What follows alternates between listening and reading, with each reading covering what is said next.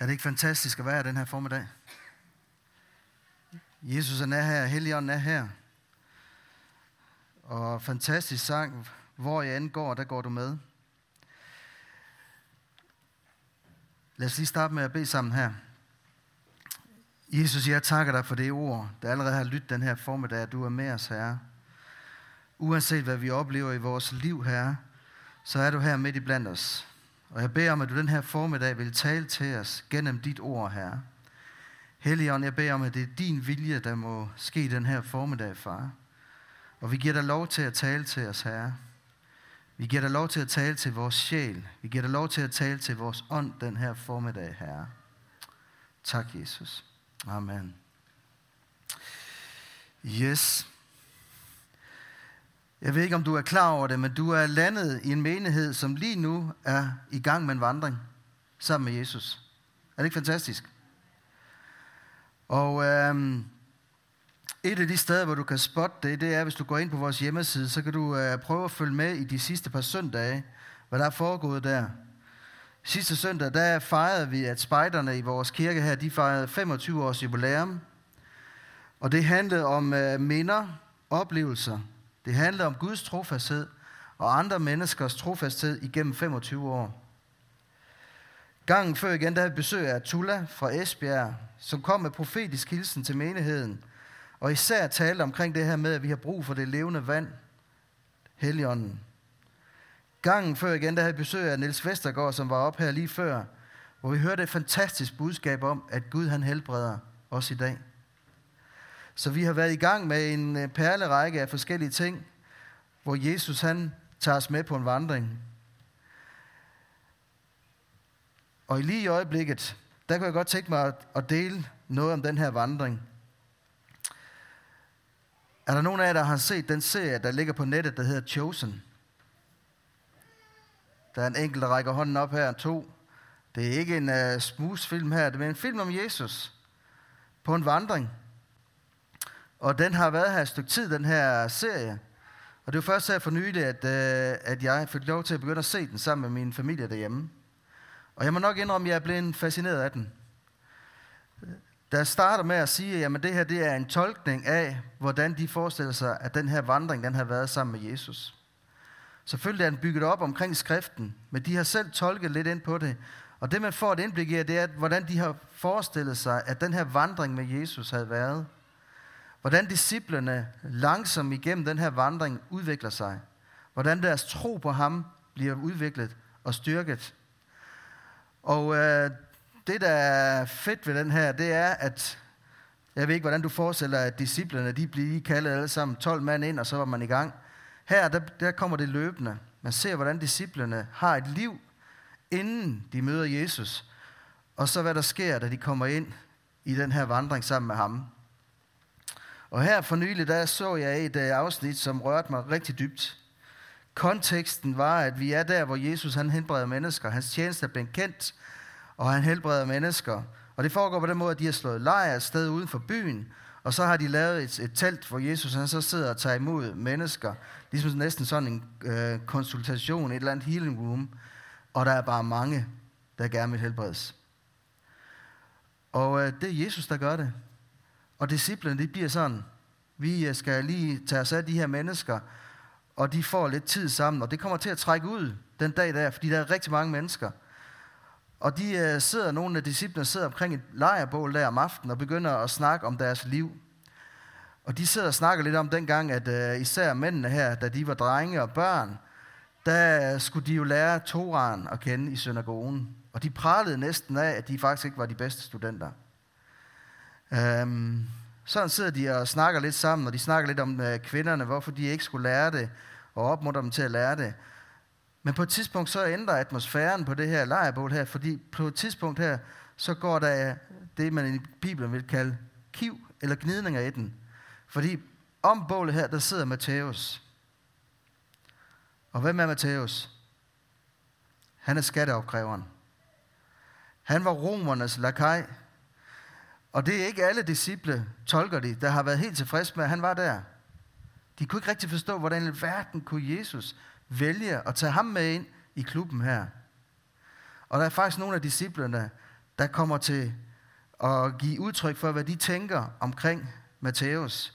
Og hele lejrbålet her, det der foregår rundt her, der sker der et skift i atmosfæren, fra at det var sådan venskabeligt hyggeligt, så går den op i et spids. Har I prøvet det? Nej, det oplever vi ikke som kristne, vel? Kan I se det for jer? Og så kommer Jesus. Hans mor er der, og hun er kommet tidligere og spurgt, om der var et eller andet, hun kunne gøre og hjælpe. Men nu kommer Jesus her. Det er sent på natten, og han kommer dødhammerne træt. Han har ømme fødder. Og det var nok, fordi de havde ikke opfundet ekko på det tidspunkt der. Så han var træt. Han var udkørt efter hele dagen. Og han kommer der fuldstændig udkørt. Og går stille og roligt hen mod teltet. Hans mor kommer hen til ham. Og som en mor gør, så tager hun sig af ham. Og hun putter faktisk sin fuldvoksne søn. Hun vasker hans ømme fødder. Hun vasker ham på panden her. Og alt det her, det sidder disciplene og overværer, hvordan deres mester har givet sig selv fuldt ud for mennesker den her aften, den her dag. Og lige pludselig bliver deres kiv, deres fortid, det de har levet, det bliver lige pludselig sat i et helt andet perspektiv. Og de får en aha-oplevelse og siger, det her, det er noget andet, vi skal. Men noget af det, som øh, jeg sad og tænkte på bagefter, udover de fik perspektiv, det er, at da Jesus han kommer der ind til lejrebålet, så ved han, hvad der foregår. Han vidste, hvad de sad og kæmpede med. Og jeg tror, han viste sig selv som et forbillede for dem, for at vise, at der var noget andet. Er der nogen af jer, der nogensinde har prøvet at have den her oplevelse af, at I føler, at Jesus han er fraværende i dit liv? I behøver ikke række hænderne op her, men have den her oplevelse af, at det er ligesom om Jesus han er der ikke. Jeg oplever noget, jeg oplever krise, jeg er måske syg, hvor jeg tænker, kan jeg vide, om han overhovedet hører mig? Og det her med, at Jesus han er fraværende, det kan godt skyldes nogle ting. Fordi der er nogle ting, som vi skal være opmærksom på, når vi søger Gud her, som kan være faldgrupper i vores måde at søge ham på. For det første, så kan vi nogle gange falde i, at vi oplever en åndelighed, som bliver faktisk en drømmeverden. Hvor det egentlig er, vi tænker næsten, op, og næsten, øh, hvad hedder det, øhm, i egen kraft prøver på at fremprovokere et eller andet, eller lever helt op på toppen og tænker, det er hele tiden her, vi skal være. Det at være kristen, det er lige med, at vi skal altid være lykkelige. Det kan også være det modsatte. At man oplever fordømmelse i sit liv. At man måske har gjort et eller andet, eller oplevet nogle ting, som man simpelthen banket tilbage til nul, slået hjem i ludospillet her. Og den her åndelighed, som ikke hænger sammen med vores hverdag, kan være en faldgruppe i forhold til at søge Gud. Det kan også være, at vi søger Gud i det, der engang var. At vi hele tiden bliver ved med at vende tilbage til noget, der engang var. Det kan også være, at vi søger Gud i det velkendte og det sikre. Det vi plejer at være vant til. Det er jo der, han er. Det er jo der, han må være. Men det vi glemmer i vores søgende Gud, det er, at Jesus, han er hele tiden i bevægelse. Jesus, han er levende. Han er i bevægelse. Jesus er ikke til at styre. Siger du ammen, Ruben? Kender du nogle børn, der måske er sådan? Fordi den her tanke, jeg gerne vil dele med jer i dag, den har forskellige spor. Den ene, det er, den ene, det handler om vores personlige Jesus, vores personlige vandring med ham. Det andet er det her med at være en familie. Fordi det at være sammen med Jesus er faktisk at være som en del af en familie. Og nu behøver Sara og Rom, I behøver ikke at svare på det næste her, fordi det næste spørgsmål, om I nogensinde har prøvet at opleve, at et af jeres børn er væk. Har I nogensinde prøvet det? Jeg har prøvet det inde i supermarkedet. Lige pludselig var en af dem, der var væk. Og det næste, man hørte, det var, at der blev kaldt over højtaleren. Der står en lille pige her, hun uh, søger sine forældre. Hvor er det pinligt. Har I prøvet det? I behøver ikke række hånden op. Og der er faktisk nogen i Bibelen, som oplever det her. Og jeg vil gerne læse en beretning fra Lukas evangeliet, som handler om Jesu barndom. Og den står i det andet kapitel. Og jeg læser fra vers 41. Hvert år tog Jesu forældre til Jerusalem til påskefesten. Og da han var blevet 12 år, drog de derop, som det var skik ved festen. Da påskedagene var omme, og de skulle hjem, blev drengen Jesus i Jerusalem, uden at hans forældre vidste det. I den tro, at han var i rejsefølget, kom de en dags rejse frem og ledte efter ham blandt familie og bekendte. Da de ikke fandt ham, vendte de tilbage til Jerusalem for at lede efter ham der.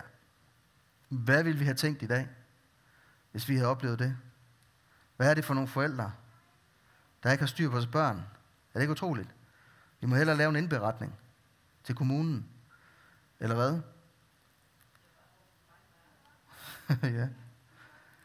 Efter tre dage fandt de ham i templet, hvor han sad midt blandt lærerne, lyttede til dem og stillede dem spørgsmål. Alle, der hørte det, undrede sig over hans indsigt og de svar, han gav. Da forældrene fik øje på ham, blev de slået af forundring, og hans mor sagde til ham, Barn, hvorfor gjorde du sådan imod os? Hvor bliver skylden lagt hen her? Over til ham, ikke også? Interessant.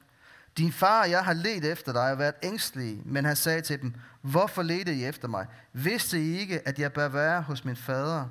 Men de forstod ikke, hvad han sagde til dem. Så fulgte han med dem til Nazareth, tilbage til Nazareth, og han var lydig mod dem. Hans mor gemte alle ordene i sit hjerte, og Jesus gik frem i visdom og vækst og yndest hos Gud og mennesker. Nogle gange kan vi opleve, at vores børn ikke er der, hvor de plejer at være. Nogle gange kan vi opleve, at Jesus ikke er der, hvor han plejer at være. Og når vi oplever det, så begynder vi at lede efter børnene. Men gør vi også det med Jesus? Vi kan nogle gange fortsætte som om intet var hent, og det gør os uægte. Vi kan også vende tilbage til der, hvor vi mistede ham. Ligesom Maria og Josef gjorde. De kom frem en dag frem, så der må have været en dag tilbage. Så to dage væk fra ham. Men de vendte tilbage, hvor de havde set ham sidst. Og det er det, vi skal gøre, når vi oplever den her følelse af, at Jesus han er ikke med os. Fordi det, der er vigtigt, det er, at selvom vi føler det sådan, så er Jesus der stadigvæk. Spørgsmålet er bare, hvor så du Jesus sidst? Og det, der sker i Jesu liv her, det er, at han bryder op for barndommen. Han er 12 år gammel nu, og han tager et skridt, hvor han går ind i templet og er derinde.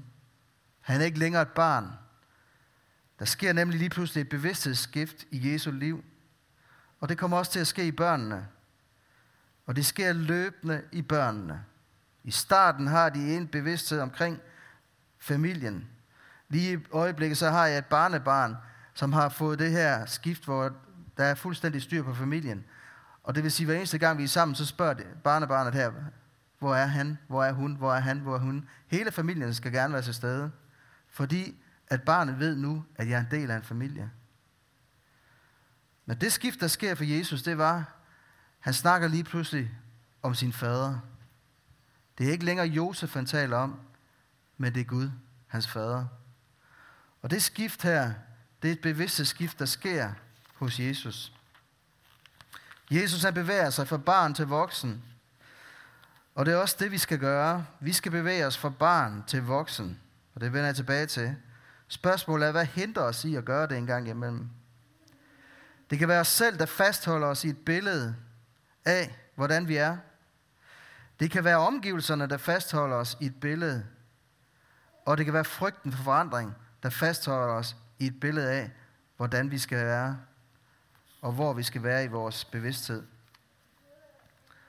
Og jeg synes, det er fantastisk, at de sange, vi har sunget i dag, de handler netop om det at vi skal ikke frygte, at Jesus vandrer sammen med os. da han står i templet her, så står der, at Jesus han lyttede til dem. Han stillede spørgsmål, og det var Jesus, der svarede. Kender I det? At det er en af børnene kommer og spørger med et eller andet. På et tidspunkt der kom der en af pigerne og sagde, far, må jeg få en mobil? Og den der gang, der skete der noget, som måske var utænkeligt i dag. Fordi vi spurgte, hvorfor nu det? Og så fik vi at vide, at alle børnene, eller alle pigerne i klassen har en mobil. Og så stillede vi et spørgsmål. Hvor mange af pigerne har en mobil? Og så kom vi frem til, at der var to piger i klassen, der havde en mobil. Og det vil sige, at det var ikke alle, men det var kun to piger. Og hun var ikke ret gammel dengang, så vi synes, det var for overkill at give hende en mobil på nuværende tidspunkt her. I dag er det anderledes. Der er sket en forandring i dag. Øh, men hun fik da selvfølgelig sin mobil på et tidspunkt. Sådan er det også med Jesus. Vi har fat i, at han lytter til os, når vi beder. Men det, der måske er udfordrende, det er en gang imellem, så forventer han faktisk, at vi lytter til ham. Og så stiller han nogle gange spørgsmål tilbage. Spørgsmål, som kan være med i den her vandring, som er vigtig for os. Det kunne være, at der var noget i vores liv, som skal ryddes op i. Netop for at vi oplever den her frihed, vi gerne vil opleve. Eller måske opleve det her bøndesvar, som han går efter. Så vær opmærksom på, at Jesus han lytter. Han kan stille spørgsmål, og så giver han et svar. Og så kommer det sidste. Da Jesus han siger, at jeg skal være hos min fader, der kendte han sin identitet.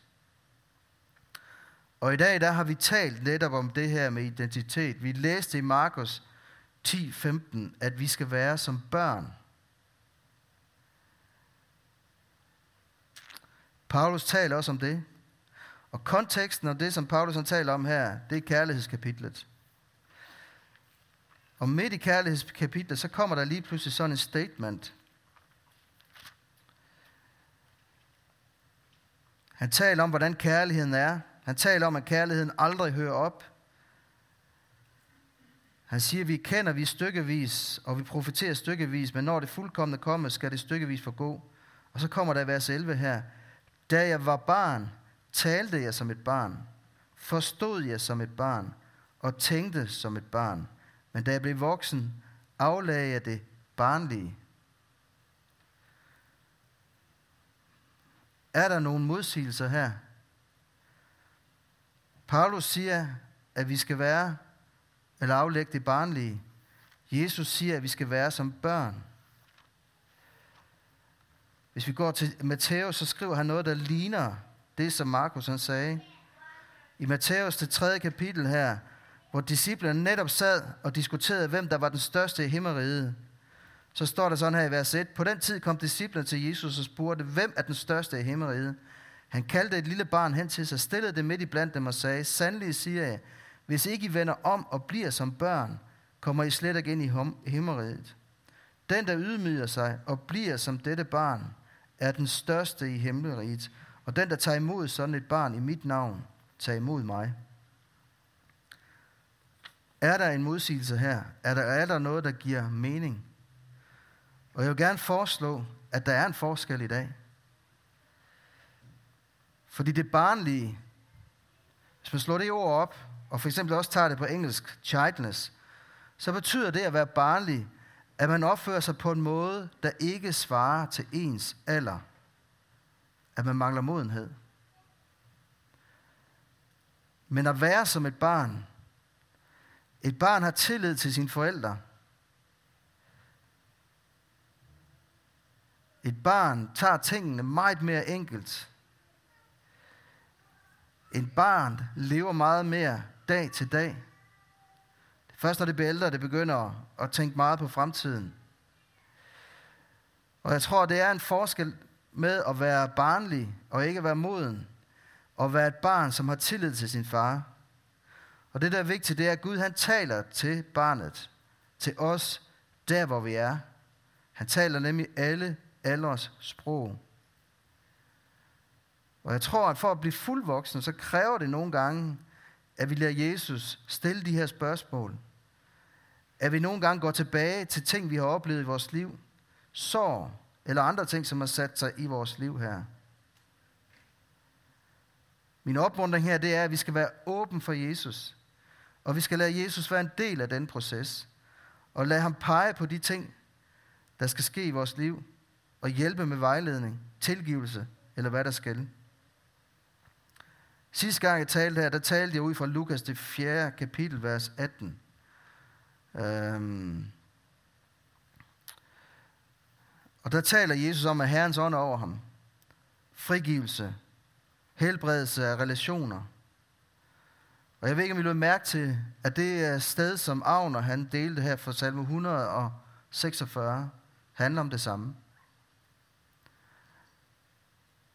Jeg tror, vi kommer ind i en tid, hvor det er det, der bliver omdrejningspunktet. At målet, det er, at vi kommer til at opleve frigivelse og helbredelse og relationer. Fordi Herrens sådan er over for os. Men hvorfor? Fordi Jesus er i bevægelse. At vi ikke skal hænge fast i noget, som var, men vi går efter noget, som kommer. Spørgsmålet den her formiddag, det er, er du i bevægelse? Jeg har fundet ud af, at som forældre, der kræver det simpelthen at være i bevægelse, for at kunne følge med i vores børn. Nu øh, havde vi to, vi har en efternøller syv år efter de to første her. Og der er godt nok sket noget i skoleverdenen i de syv år der. De første øh, to der, dem kunne jeg sådan hjælpe, da de kom hjem med lektierne. Men syv mellem, år mellem, der er sket noget. Der måtte jeg overgive mig og sige, det kan jeg ikke længere. Fordi der er sket noget i, hvordan man gør tingene. Så er nogen, der siger, jamen det hedder bare plus og gange. Ja, men hvordan man kommer frem til det, er ikke den samme, som dengang jeg lærte det i sin tid. Og ved den, der modsiger, hvad læreren siger. Er det ikke rigtigt, Mina? Læreren har nemlig ret. Altid. Sådan er det også at være i en kirke. Sådan er det også at være en del af et fællesskab. At når Jesus han er i bevægelse, så kræver det, at vi følger ham. Og går derhen, hvor han ønsker, vi skal gå. Den her formiddag, der vil jeg som, hvis du efterfølger Jesus, så vil jeg opmuntre dig til at følge ham. Og lad være med at tro, at du kan styre Jesus. Jeg vil opmuntre til at aflægge det barnlige, for ellers så mister du fokus. Og jeg vil opmuntre dig til at være åben over for det, han vil gøre i dit liv, fordi så vil du opleve frigivelse og helbredelse. Jeg er så taknemmelig over, at vi i dag har fået lov til at høre Sifreds vidnesbyrd. Sifred han er ikke 20 år længere, hvis der er nogen, der opdagede det. Men han oplever, at Jesus taler til ham. Og han siger, jeg går derhen, hvor du vil, Jesus. Han går lidt langsommere, end han gjorde i sine unge dage. Men han går. Og det her er dybt respekt for. Da han ringede til eller skrev til mig og sagde, hvad gør vi? Så siger jeg, gå efter det. Hvis Gud taler til dig, så gå efter det. Og det tror jeg, det er det, vi skal. Fordi Jesus, han går sammen med os på den vandring der. Og jeg er spændt på at se, hvad der kommer til at ske. Fordi vi er ikke vant til nogle af de ting, der sker her. Vi har en børnelejr nu, hvor der er fire muslimske børn med. Der er ikke kristne børn med på vores børnelejr. Mere end vi nogensinde har prøvet før. Der er ikke så mange børn, som vi måske har oplevet, men der er en større procentdel, som ikke kender Jesus i forvejen. Det er anderledes. Det er fantastisk. Og jeg tror, det er det, Jesus han vil have os til at vandre ind i. Endnu mere. Det er ikke det velkendte. Det er ikke det, vi er vant til. Men det er det, han ønsker af os, at vi vandrer. Og så er det vigtigt, at han er med os i den her vandring. Han kommer ikke til at lave overgreb på os. Han tager det tempo, vi ønsker at være i, så længe vi er i bevægelse med ham.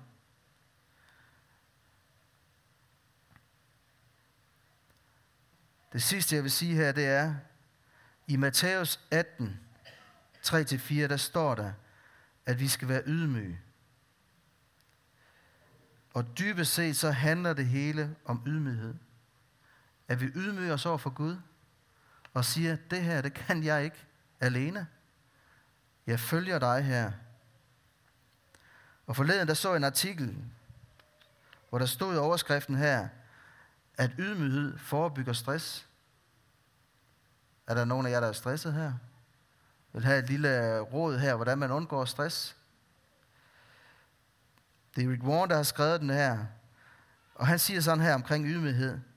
Når jeg er ydmyg, så behøver jeg ikke at have alle svar.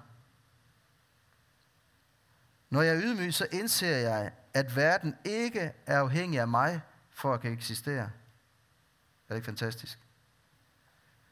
Ydmyghed, det tillader mig at træde tilbage som den, der styrer universet, og lad Gud være Gud og styre universet.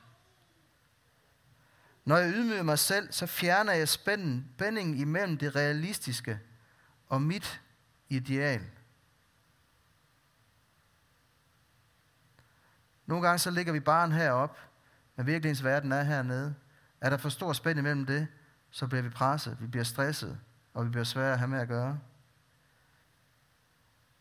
Og det gælder i ægteskabet, det gælder i børn, og det gælder også i tjenesten.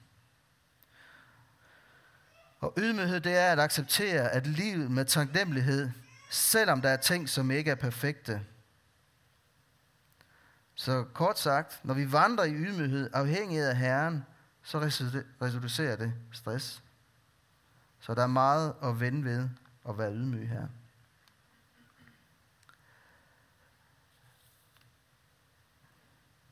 Jeg vil gerne være på en vandring sammen med Jesus. Både som person, i mit personlige forhold til ham. Og jeg ønsker også, at vi som menighed er på den her vandring sammen med ham. Vi har altså noget, hvor vi nogle gange siger, at det største, det ligger foran os. Og det tror jeg stadigvæk på. Jeg tror, vi er på vej ind i en spændende tid. Det er angstprovokerende, fordi nogle af tingene kommer til at være, som vi ikke er vant til, og lige noget, vi ikke er vant til. Men det, vi skal holde fast i, det er, Jesus han er der. Så kan det ikke være helt galt.